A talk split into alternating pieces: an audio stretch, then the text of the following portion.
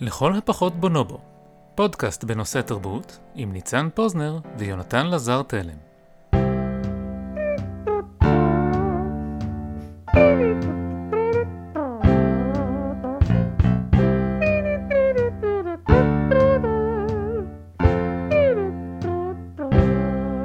שתיים, אחד,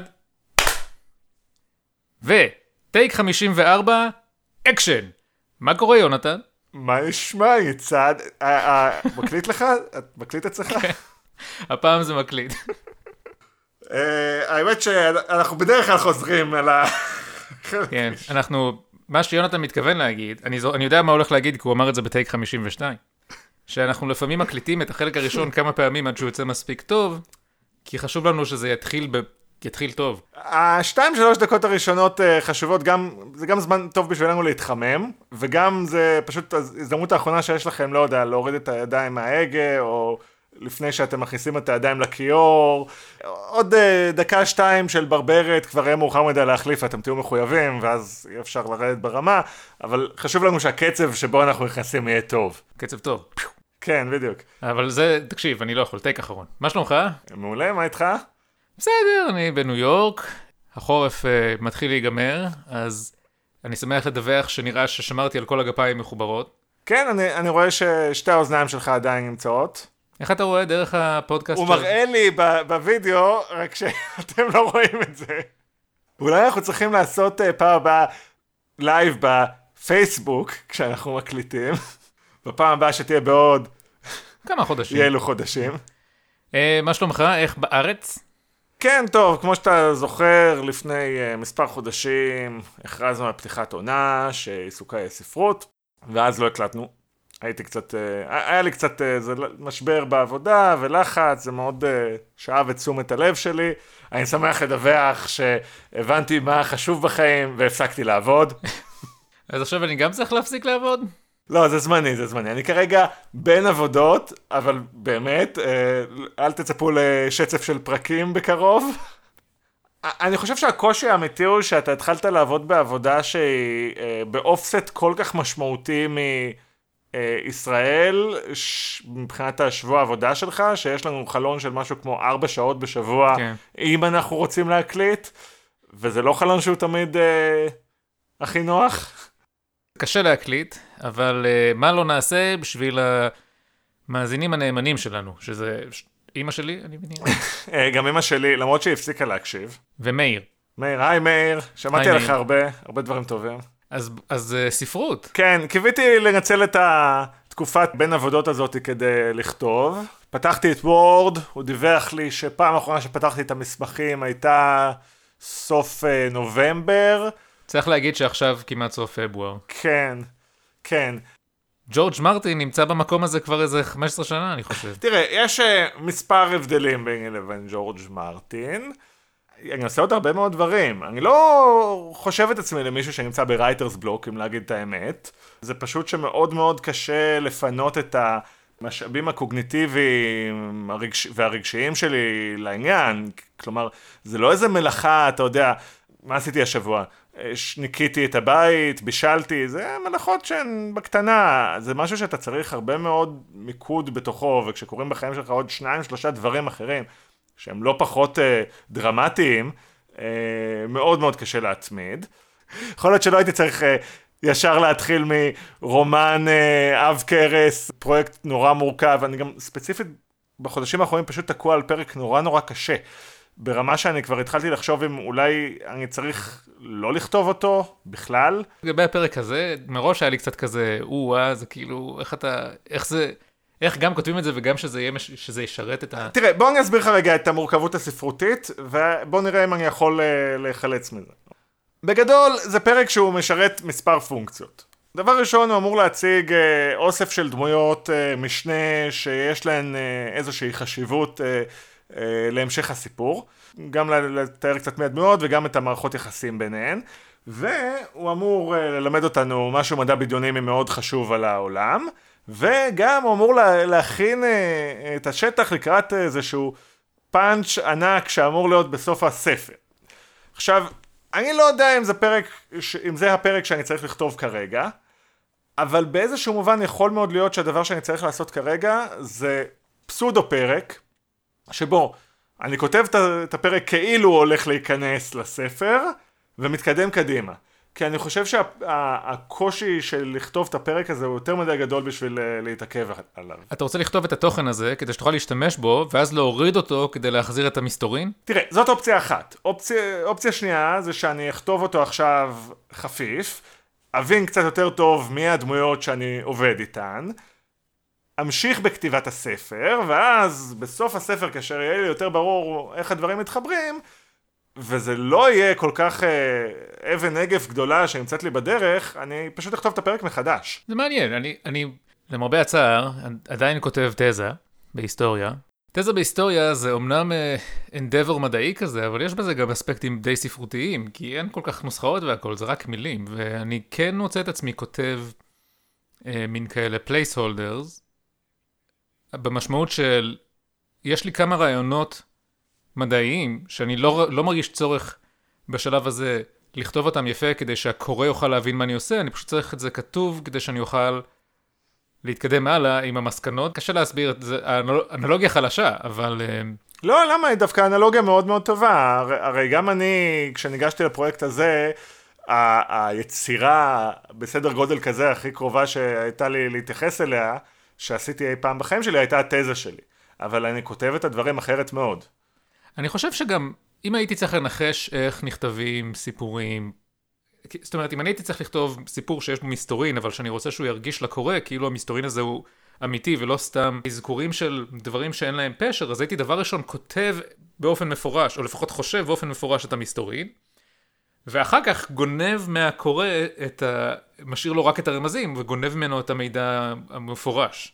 אז להפך, אני דווקא בתור uh, סופר, אני עושה מרכאות עם הידיים כל הזמן, כי זה דבר נורא יומרני להגיד על עצמך, כן?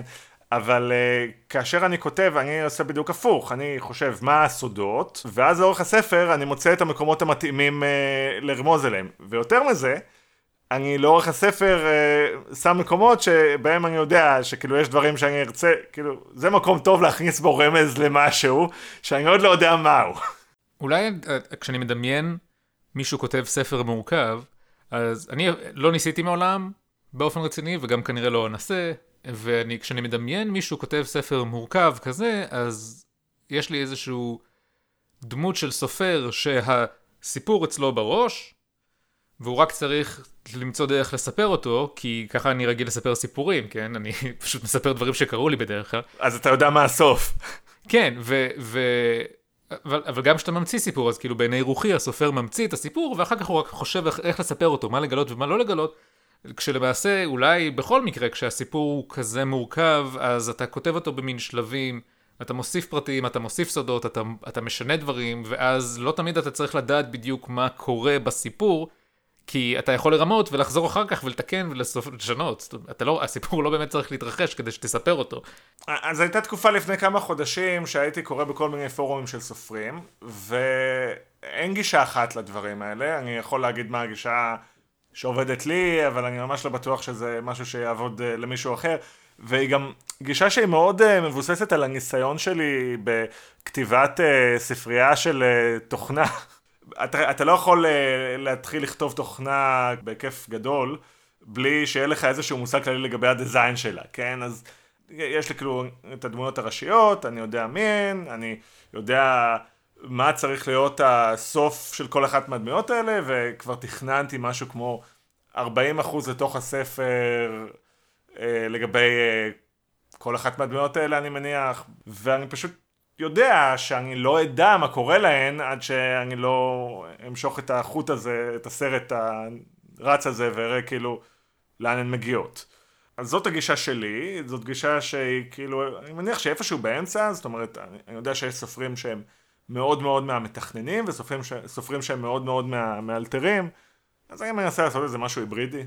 אני חושב ששמעתי על, אה, אני לא זוכר, אני לא יודע איך לקרוא לזה, אבל על הגישה של מין כזה הזדהות כל כך מלאה עם הדמויות שהן כותבות את עצמן. אני חושב ששמעתי על סופרים מפורסמים מספרים, כאילו, אני לא יודע, הדמות הזאת פשוט כותבת את עצמה. נגיד, אוקיי, לא מזמן קראתי את הספר אה, קדמת עדן של סטיינבק, והוא בעצם היה קצת משעמם, כי הספר כתוב טוב, הוא מתאר איזושהי עלילה שהיא מתחילה ונגמרת, אבל היא פשוט מתחילה ונגמרת. איזה סוג כזה של אומנות, אבל נורא נורא לא מספק, בגלל שאני מעדיף את הספרים שלי, כאלה שמתחילים בנקודה אחת, ואז מובילים אותך בכוונה לאיזושהי... אז תראה, הגישה שלי לדבר הזה, לפחות בהקשר של הפרויקט שאני עובד עליו עכשיו, ובטח בשנים הבאות, אם אני אצליח להחזיק עם זה מעמד, היא שהסיפור הוא בסופו של דבר הדבר שקורה לדמויות, ואני יודע לאן אני רוצה לקחת אותן. אז העלילה לצורך העניין, אני פשוט, אה, ככה, אני המצאתי את העולם שבו אה, הדמויות נמצאות. זה לא בדיוק הסדר שבו הדברים קרו, בהזדמנות אחרת אני אספר איך זה קרה, אבל יש לי את העולם שבו הן אה, פועלות, אני יודע פחות או יותר מה החוקים שלהן, אני יודע לגבי כל דמות, מה נקודת ההתחלה שלה ומה נקודת הסיום. ואז העלילה נבנית על ידי כך שדבר מוביל לדבר. האמת שזה קצת מעניין, כי כשאני חושב על זה, זה קצת דומה לאיך שאני חי את החיים שלי. כאילו, יש לי איזשהו הבנה לגבי כל מיני עתידים אפשריים שאני רוצה להיות בהם, ואני פשוט בכל נקודת זמן בוחר את הצעד או כמה צעדים הקרובים שנראים לי כאילו הם איכשהו ייקחו אותי לאן שאני רוצה להגיע, אבל בספרות זה יותר uh, כיף. כי אתה יכול להמציא דברים הרבה יותר פרועים. זה מזכיר לי את איך שיש שלב של יצירה של, מה, של רשת נוירונים. מה שקוראים האימון. כן, יש את השלב של כזה פתירה של משוואות לכיוון המינימום המקומי, שהאלגוריתם מנסה להפחית את העלות של איזשהו חישוב. לא בדיוק עלות, אבל לא חשוב, הוא מנסה, הוא מנסה לקרב שני מספרים, עכשיו הוא לא יודע, זה, זה חישוב נורא נורא מורכב, אז הוא לא יודע איך לקחת את הראשון ולבוא ישר לשני, אבל יש איזושהי נוסחה מתמטית ש, ש, שיכולה להבטיח שהוא הולך לפחות בכיוון די נכון, הוא הולך, שהוא בטוח יוריד, הוא בטוח יקרב אותם, אבל לא בדיוק יודע איך זה יקרה. זה, זה כאילו, זה מצחיק, כי תמיד, אתה יודע, אני, אני לא מבין ממש ברשתות נוירונים, אבל זה נושא שמעניין אותי, ואני תמיד מגיע אליו קצת מבחוץ, בתור כזה מישהו שיכול להבין את איך זה עובד רק באמצעות אנלוגיות, ובגלל זה, בגלל זה אני תמיד מרגיש שרשתות נוירונים זה נורא דומה לדברים, כי ככה אני מבין איך זה עובד. יחסית לאלגוריתם, מה שמאחד באמת את הרשתות נוירונים זה שעל אף שכאילו את המכניזם הכללי של איך הרשת עובדת, ואני מניח שגם אולי המכניזם היותר ספציפי, אם מדובר באנשים אה, מומחים במיוחד לתחום, אבל רוב האנשים שמפעילים את הרשתות נוירונים, הם רק יודעים איך המכניזם הזה עובד לא הרבה יותר לעומק ממה שאתה תיארת, אגב, לדאבוני. אה, הרבה אנשים שמריצים רשתות נוירונים לא מבינים יותר לעומק מזה, אבל גם המומחים הגדולים, הרבה פעמים השאלה איך אתה בכלל אה, מתאר את מה שקורה בפנים, היא שאלה פתוחה. ככה שיחסית לאלגוריתם זה דבר מאוד uh, מסתורי. טוב, בוא נדבר שנייה על בעיה רצינית. כן, מה, מה הבעיה? אתה בחרת לכתוב סיפור בסוגת המדע הבדיוני. יצא לי לקרוא הרבה סיפורים בסוגה הזו, בסוגה אחות, סוגת הפנטזיה, ואני שמתי לב שיש משהו שלא כולם עושים כמו שצריך, וחשוב לי מאוד לוודא שאתה תעשה אותו כמו שצריך. שני הסוגות הספרותיות האלה מייצרות בשביל הקורא עולם שהוא חייב להיות נפרד מהעולם שלנו בכל מיני אספקטים בסיסיים. אחרת אתה סתם כותב ספרות של uh, כזה סטיינבק. אם אתה כותב ספר פנטזיה, אז הנחת המוצא שלך ושל הקורא זה שיש איזה שהם חוקים קטנים של המציאות ש... שהם לא כמו שלנו. כנראה שכולם מדברים אנגלית, אבל אני יודע, כוח המשיכה עובד אחרת, או שאפשר לעשות כזה, להוציא מהמקל קסם שלך. אתה יודע איך אומרים... Uh, שרביט קסם בצרפתית? לא. בגט מז'יק. לכל הפחות, אפילו אם זה מתרחש באותו עולם פיזיקלי, אז צריך, לה, יש איזה ש... יש כאילו טכנולוגיה שצריך להסביר איך היא עובדת, או לא להסביר, אבל, אבל צריך לפחות להציג טכנולוגיה של... חדשה וכולי.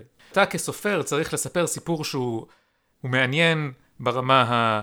אה, מה, לירית? ברכה לי המילה. זאת אומרת שהוא כתוב יפה, הנה, אבל גם שהוא איכשהו מצליח להעביר פרטים טכניים לקורא. ואפשר לעשות את זה טוב, ואפשר לעשות את זה מאוד מאוד גרוע. תראה, אתה עלית פה על משהו באמת מאוד מאוד חשוב. בעצם אה, הנושא של אה, להסביר אה, מציאות אחרת לגמרי, זה אחד הדברים שנמצאים אה, ממש בליבה של היצירה הזאת.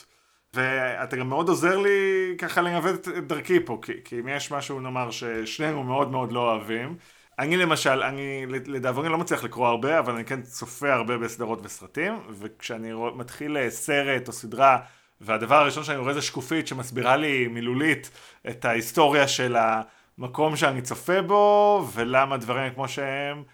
אני מתפתה מאוד ללחוץ על כפתור הכיבוי, כי זה קצת, אה, זה קצת בריחה. זה בריחה מהבעיה המרכזית של הסוגה, של כן. איך אה, לספר את הסיפור. ראית את uh, The Witcher? הסדרה של נטפליקס? עוד לא, אתה הבן אדם היחיד שאני מכיר שלא התחבר. אבל דווקא את הבעיה הזאת, אני חושב שהם טיפלו בה יפה. זה לא רק עולם פנטזיה באופן כללי, זה גם עולם פנטזיה בעצם די ייחודי. אתה יודע, יש הרבה עולמות פנטזיה שזה כזה, אה, אוקיי, הוביטים ודרקונים וזה, עכשיו, זה, יש גם את זה. אבל יש כל מיני אספקטים ייחודיים, מקוריים, ובמקום לשבת ולהסביר לך אותם, הם עולים בעלילה באופן אה, אורגני. הרבה יותר מספק כצופה או קורא כשהדברים האלה מתרחשים באופן אורגני. המקבילה הספרותית של השקופית, שמסבירה איך, אה, איך הכל עובד, זה מספר שמסביר איך הכל עובד. לפני כמה חודשים קראתי ספר שנקרא Foundry Side, הוא ספר מצליח והרבה אנשים אוהבים אותו, והאמת היא שקראתי אותו עד הסוף.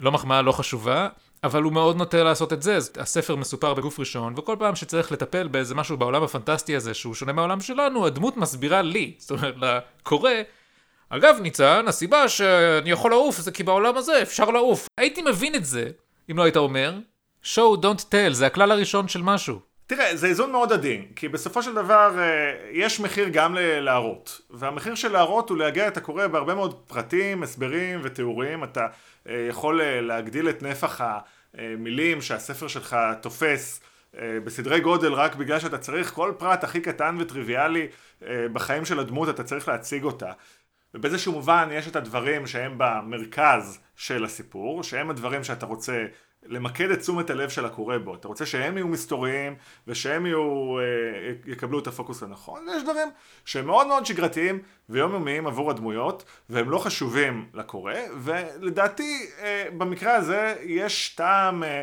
אה, פשוט להסביר מפורשות, הדמות עשתה ככה וככה כי היא חיה בעולם שפועל לפי החוקים הללו. סליחה שאין לי דוגמה בשלוף uh, לתת. נקודה חשובה, אתה לא רוצה, הסיפור שלך לא יכול כל הזמן לייצר, להרכיב משפטים שבמציאות שלנו, של בני אדם שלא חיים בעולם הפנטסטי, אין להם פשר. יש כזה בדיחה של uh, דגלס אדמס, על זה שיש כוכב עם מזרונים ושהמזרון מפלמפלץ ומקנשנג. אתה לא יכול לייצר עולם שבו כל משפט הוא חסר פשר מכיוון שהוא מורכב מפעלים ושמות עצם שהם חסרי משמעות בשבילי. אבל גם להסביר באופן מפורש כל דבר זה גם נורא מעייף. יש איזו נקודת איזון, שבה מותר לך להגיד, ואז יונתן הכין קפה בקפמטור. והקורא מבין מה, מה קרה, בלי, ש, בלי שהסופר אומר, הקפמטור הוא מכונה שהומצאה על ידי ממציא הונגרי בשנת 2036, שלוחצים על כפתור ויוצא קפה, כי לא צריך. אני חושב שהדרך הנכונה באמת לעשות את זה, ודווקא זה דבר באמת שהבנתי עכשיו תוך כדי שיחה, הדרך הנכונה בעיניי לזהות את הדברים, זה שדברים שהם... אה, גם הדמויות שלך לא היו מתעכבות עליהן, אתה כנראה יכול להסביר אותן בצורה ישירה.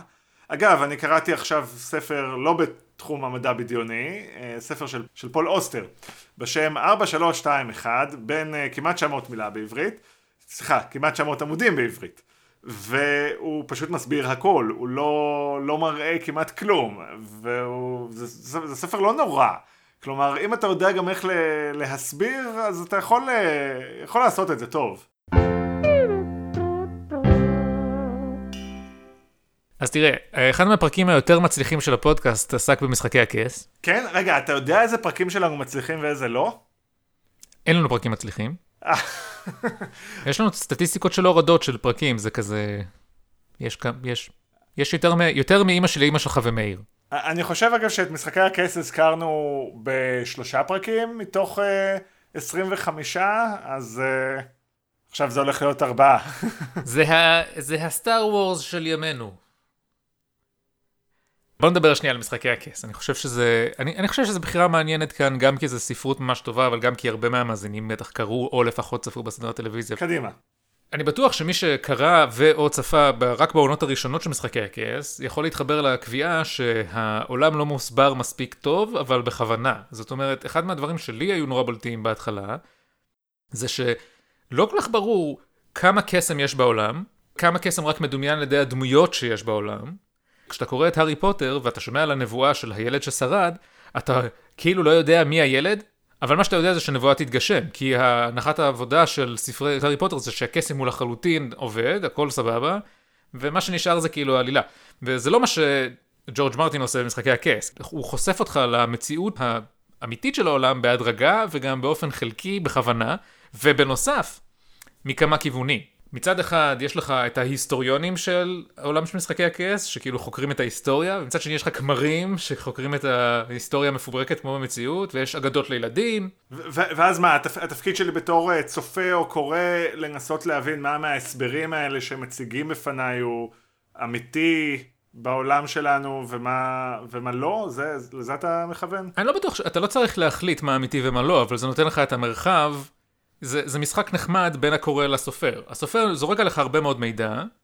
המידע לא מגיע מפי הנרייטור. מי שלא קרא, אז הספרים, כל פרק מסופר מ- בגוף שלישי, אבל מנקודת מבט של דמות אחת. כל המידע תמיד מגיע מעובד דרך החושים של דמות. ודרך המחשבות שלה גם. כן. אין מספר שנותן את הפרטים, ולכן כל המידע שמגיע לסו... לקורא תמיד מגיע באיזושהי מידה של אה, אי ודאות. דמות, וגם הרבה פעמים הוא עושה דברים מאוד חכמים, שאירוע מסוים אתה מקבל אותו משתי זוויות, של שתי דמויות, ואתה מקבל פתאום מידע חדש. האופן שבו הוא בוחר לתת מידע חלקי, כדי לייצר אצלך תמונה לא מלאה, אבל, אבל מאוד מעניינת, זה אחד מהדברים שהופכים את משחקי הכס לקריאה כל כך מהנה, ובאיזשהו מובן אינטראקטיבית. אתה כאילו מרגיש את עצמך בתור איזושהי דמות שמשוטטת בעולם דרך, אה, כאילו אתה צופה באיזה יוטיובר שמשחק אה, בגוף שלישי באיזה דמות, ודרך ההתנסויות שלו אתה לומד איך העולם הזה עובד ומה יש בו. מכיוון שהדמויות לא יודעות, כן? אתה, יש, יש אולי פה ושם דמות שכן יודעת, נגיד מלך הלילה בטח יודע את הכל, אבל הוא לא אחד מהדמויות שמספרות את הסיפור. אז באף שלב אתה לא מקבל תמונה מלאה ו... של המציאות, כן? אבל יש מספיק מידע אמ- אמפירי שמגיע לקורא כדי שהקורא יוכל לייצר אה, איזושהי תמונה שהיא לאו דווקא מתארת נכון את העולם של משחקי הכס, אבל היא מספיק טובה כדי להיות שימושית. זה קצת כמו במציאות. אחד מהדברים שזה גורם לי לתהות זה בהקשר של מה שדיברנו בתחילת הפרק. האם אה, ג'ורג' מרטין, יש לו תפיסה מוחלטת וסופית של העולם של משחקי הכס, והוא כל פעם בוחר לזרוק עליך פיסת מידע מעוותת דרך התפיסה הלא נכונה של דמות, כן? זה אפשרות אחת. אפשרות השנייה זה שגם ג'ורג' מרטין למעשה אין לו תפיסה מלאה של כל מה שקורה בעולם של משחקי הכס, והוא הוא והדמויות ביחד ככה מחליטים מה, מה הולך לקרות. אז תראה, לגבי אה, מה ג'ורג' מרטין יודע או לא יודע, אני מניח שהוא בכ- בכל רגע נתון י- ידע משהו לגבי מה קורה בעולם, הוא לא תמיד, אה, אני מתאר לי שכשאתה עושה פרויקט כל כך מסובך לאורך כל כך הרבה שנים, אתה מוצא את עצמך שוכח את הפרטים הקטנים, אה, מתבלבל, אתה מוצא שדברים הם לא מה שתכננת בעצם וכדומה. אני יודע שבימינו יש וויקי ויכול להיות שאחת הסיבות שהספרים אה, הולכים ונהיים יותר ויותר אה, איטיים בקצב השח... השחרור שלהם זה הצורך שלו לעשות אה, איזשהו פרוף עובדתי, כן, אתה יודע, זה כבר לא נהיה, כשאני כותב את הפרקים הראשונים של הספר שלי, אני פשוט ממציא על הדרך, אה, דב- בורא עולמות על הדרך תוך כדי תנועה, הוא כבר עושה עבודה שהיא קצת יותר... אה, עבודה של היסטוריון ממש באיזשהו מובן, כן? הוא צריך לוודא, ל- ללכת למקורות.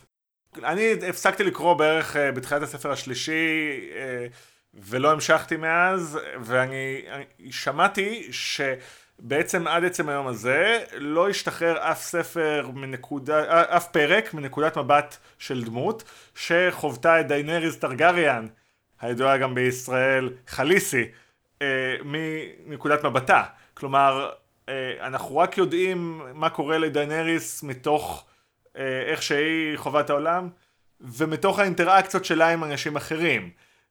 ואם כבר מדברים על זה, אז אחד האמצעים הכי נפוצים, אגב, לא רק במדע בדיוני ופנטזיה, גם בהמון המון סרטים וסדרות, אפשר לראות שההתחלה תמיד מתחילה בזה שדמות אחת מסבירה לשנייה איזה משהו, אני בדיוק חדש בשכונה, אני תלמיד חדש וכדומה. אה, וגם את זה יש דרכים טובות ולא טובות לעשות. אני כבר שם לב לדברים האלה, אז זה לא משהו שיכול לקרות בלי שאני אראה אותו, אבל הרבה פעמים זה חמוד, לפעמים זה קצת מעיק, לפעמים זה כבר ממש אבסורד, זה מאוד מאוד נפוץ בסיפורים על אה, מכניזם של קסם, שהפרוטגוניסט הוא איזה תלמיד או מתלמד, אה, למשל קראתי את סדרת הערפילאים של ברנדון סנדרסון, וכל הספר השני, אתה ממש מרגיש שכאילו... הסופר פשוט מצא דרך לתת לי ערך ויקיפדיה של איך מפעילים את הקסמים שלהם רק דרך קולו של אחת הדמויות. התחום הזה של איך להסביר איך קסם עובד, זה נראה לי עוד קשה יותר מאיך להסביר איך טכנולוגיה עובדת, כי בטכנולוגיה אפשר להישען לפחות על הסברים טכניים. גם, אתה יודע, מה, ש, מה שקצת אה, נוח בטכנולוגיה באיזשהו מובן, זה שאתה יכול להשתמש בה בלי להבין איך היא עובדת. כלומר, אני אה, מספר עולם אה, טכנולוגי. אני לא הולך לספר בשום שלב בספר אה, את הפרטים המדעיים של איך דברים עובדים, אבל אני אה, פשוט מספר אה, איך הדמויות משתמשות בטכנולוגיה. אה, בעיניי זו טעות שהרבה סופרים של מדע בדיוני עושים, מתעסקים יותר מדי באספקטים הטכנולוגיים של הטכנולוגיה. נגיד, בספר שאני קורא עכשיו, זה לא נחוץ כל כך, כן? אבל כשמסבירים על איך עובד המסע הבין חללי, בין כוכבי במהירות העולה על מהירות האור, יש איזושהי הפסקה, מי המציא את הטכנולוגיה וזה, ואני כזה, לא, זה לא חשוב לסיפור. זה, אפשר לעשות את זה בחן, אבל זו טעות לעשות את זה כל הזמן. גם בסדרות מדע בדיוני סוג ב', הרבה פעמים אני מרגיש שהם אה, זורקים כל מיני מושגי בבל טק כאלה, פשוט כדי להעמיד פנים שיש איזשהו עומק לדברים, בזמן שמה שיש פה זה המגפין של המגפין עשה לי בעיה של המגפין ואני עכשיו בתור תסריטאי החלטתי שזה הקונפליקט שצריך לפתור אותו uh, כי זה מה שמייצר לי את האינטראקציות ואת הקו העלילה שאני רוצה לספר. הרי כל המדע הבדיוני מבוסס על הטכנופוביה. אם, אם הכשל הוא לא בטכנולוגיה, מה עשית פה? האמת שזה מעניין, זה נכון. כשאני חושב על זה, הרי מזכירים את ההסברים הבאבל טקים האלה, כאשר אתה צריך להסביר מה אתה צריך לתקן. אחרי שאמרנו את כל זה, צריך, להגיד שבמדע בדיוני ופנטזיה, במידה רבה להסביר זה הרבה פעמים הסיפור. כלומר, בהרבה מאוד יצירות של מדע בדיוני, ואפילו ביצירה שלי, יש לי דמות שמלכתחילה המצאתי אותה ככלי שהתפקיד שלה זה אה, לחקור, בהקשר של העולם שלי, את המכניזם הטכנולוגי חוקתי שלפיו העולם שלי עובד.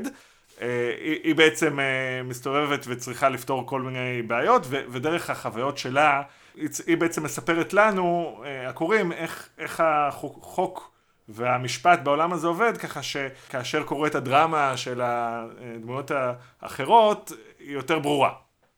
וגם את זה צריך לדעת איך לעשות.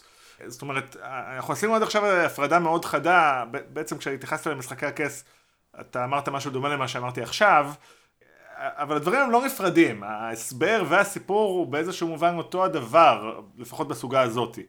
וגם פה החוכמה היא לא להסביר יותר מדי חזק. זאת אומרת, אם הסיפור שלך הוא סיפורת, ולא איזה יצירת עתידנות שאין מה לעשות איתה, אז הטכנולוגיה שאתה העלית במין האוב, הפונקציה שלה מעניינת אותי רק בהקשר של העלילה והדמויות. עכשיו, בספר, בספר, נגיד, מדע בדיוני טוב, יכול להיות שהמורכבות של הרעיון החדשני שלך היא חשובה ברמה, גם ברמת האינטראקציה, זאת אומרת, מכונת הקפה, לא אכפת לי איך עובדת בכלל, אבל אם יש לך בסיפור אה, מנגנון טכנולוגי שיש לו, למשל, הסיפור שלך הוא על זכויות, ה, זכויות האדם של יצורים שהם אה, AI, אז יכול להיות שצריך להתעסק הרבה יותר במשמעות של בדיוק מה ה-AI שלך עושה, או למשל אם יש בסיפור שלך מסע בזמן, לא בטוח שאתה צריך להימלט מן ה... איך בדיוק המסע בזמן שלך עובד, כי יש לזה השלכות לגבי איך הסיפור שלך הולך להתרחש. אבל כל ההסברים האלה צריכים לבוא, א', באופן כזה, בעיניי, צריכים להתרחש באופן יחסית אה, אורגני, וגם לא צריך להגזים בפרטים. אז אני אגיד לך משהו אבל מאוד מעניין על זה. הרבה פעמים אני נוקט בגישה ממש הזאת שאתה תיארת, ושולח לך את הפרק, ואז אני מקבל uh, על המקום הזה איזשהו... אתה מוסיף לי הערות כאלה בוורד, עם שאלה, אם ככה וככה, אז למה ככה וככה. למרות שלא צריך להסביר את הדברים האלה, זה עדיין מאוד כדאי לי בתור כותב לדעת את ההסבר שלהם, לדעת איך הם עובדים, כי השאלות האלה הן שאלות ש... אה, יכולות לעזור לי יותר טוב להבין איך העולם שלי עובד, הן יכולות גם, הרבה פעמים אני חושב ככה על רעיונות שלא הייתי חושב עליהם אחרת, או, ו, וגם זה עוזר לי אחר כך גם uh, להעמיד פנים שיש לעולם הרבה יותר עומק ממה שבאמת יש לו, כי אני יכול uh, להשתמש בידע הזה כדי לרמז על דברים אחרים שקורים.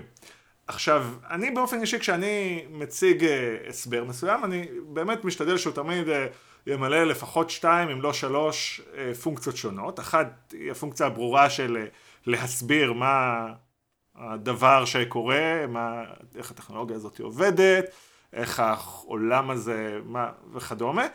השני, אני מנסה להשתמש בזה על מנת uh, להניע את העלילה באיזשהו אופן, כלומר אני כמעט תמיד משתדל שהחשיפה להסבר היא תהיה קשורה למה שקורה לדמות, או אפילו תניע את מה שקורה לדמות, תגרום לה להתנהג אחרת וכדומה. ואם זה אפשרי, אני גם משתמש בהזדמנות הזאת כדי uh, לתת קצת פיקנטריה, כן? Uh, לא יודע, לתת קצת uh, כל מיני דימויים שונים, או התייחסויות לכל מיני דברים שקרו פעם, וכל מיני דברים מהסוג הזה. זה משהו שמאוד מייצר איזושהי הרגשה גם uh, של עומק, וחלק מהאתגר שיש לי בעצם בתור מישהו שבורא עולם, זה לייצר את הרושם שהמקום הזה הוא אמיתי. אתה יכול לכתוב ספר על ניו יורק, או פול uh, אוסטר כתב עכשיו ספר על ניו יורק שקראתי. אני מזכיר את זה בכל הזדמנות כי אני מאוד גאה בעצמי שהצלחתי לקרוא 900 עמודים של פול אוסטר, וזה בכתב קטן ובשורות צפופות. הוא לא צריך להסביר מה זה ניו יורק, כן? אני יכול לדמיין לבד, כי, כי מכונת התעמולה האמריקאית אה, דחפה לי את הקונספט של ניו יורק בכל כך הרבה אמצעים שונים. אבל כשאני כותב את הסיפור שלי, אז אני צריך לשכנע שיש בו אנשים, שזה עולם אה, עשיר, שיש בו דברים שאתה לא רואה. זה יכול להצדיק פרק שלם על הנושא של, אה, זה נקרא World Building, מאיזושהי סיבה די צפויה. אני חושב שאפשר לדבר על זה באריכות, אבל אני חושב שנכון מאוד מה שאתה אומר, ש... הרי מה הטריק, מה הטריק האמיתי של World Building? אתה לא יכול לתאר את העולם כולו מההתחלה ועד הסוף, כל אלקטרון וכל פוטון, אז אתה, אתה מפיל פנימה פרטים קטנים שהם הגיוניים רק בהקשר של קיום של דברים שמתרחשים מחוץ לעלילה של הסיפור שאתה מספר. אני כאילו צריך להתנצל על מה שאמרתי קודם, שאמרתי, אני לא צריך לשמוע על השם של הממציא ההונגרי שהמציא את מכונת הקפה האוטומטית ב-2036. וכאילו זה טריק די יפה לתת את השם שלו. זה תלוי איך זה עוזר לך בשתי הפונקציות האחרות שאמרתי. אחד, האם... עכשיו כשאמרת לי את זה, האם אני מבין משהו על אה, כדור הארץ או על אה, תל אביב או על ניו יורק יותר טוב ממה שידעתי קודם? כנראה שלא. והדבר השני, זה גם לא משהו שהוא רלוונטי לי או לך או לפרק. זאת אומרת, זה לא משהו שיניע את העלילה שלנו. אני רוצה, אני אתן דוגמה מהספר שאני קורא עכשיו, uh, Ancestral Light. Uh, הספר מתחיל בזה שיש שני... אנשים מהעתיד, אנשים, ספק אנשים מהעתיד שנמצאים בחללית בטיסה בחלל וללא כוח משיכה, ואחת מהדמויות, הספר מסופר בגוף ראשון, והדמות מדברת שהיא משתמשת במה שנקרא aft hands. וצריך לקרוא עוד 100 עמודים או משהו כזה, עד שהיא מזכירה את הפעם שעשתה ניתוח כדי להחליף את הרגליים, כן? עכשיו, הקזואליות שבה הדמות מדברת על הרגליים האחוריות שלה מסבירה לך כאילו שזה לא היה משהו גדול, כאילו להחליף רגליים. זו, זו בשורה אחת מסביר לך גם כאילו על הסיטואציה של הדמות, גם קצת על העולם. זה, זה, זה, תחשוב על זה, אין כאן שום הסבר וזה ממש ממש מסביר. זה חכם. כן, זה, זה יעיל. כאילו, באמצעות ה... מה שאתה לא כותב, להעביר מסר הרבה יותר חזק.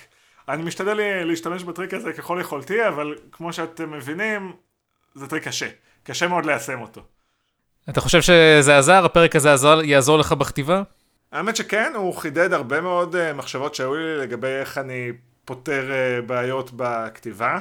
גם קצת uh, חימם לי, uh, נקרא קצת אבק uh, קוגניטיבי, אני מקווה שאני אצליח בקרוב ככה להתגבר על המהמורה הנוכחית ולהיכנס לעניינים בחזרה. אה, פרק פעם בשלושה חודשים, נראה לי שזה בערך מה שאפשר לצפות לו ברמת העיסוק הנוכחית. כן, אני מתנצל מקרב לב בפני המאזינים על חוסר הרציפות בשירות, אין לי פתרון לזה. גם ככה, לך תדע מתי הם שומעים את זה. כן, אה? אם אתם שומעים את זה עכשיו ב-2025, ברכות, אני, אני מקווה שהלכתם וקניתם את הספר של יונתן בחנות הספרים הקרובה לביתכם. אה, אתה כל כך אופטימי, לדעתי זה יהיה אולי ב-2030. יאללה, תודה לכל מי שהאזין, לא תודה לכל מי שלא האזין. צ'או.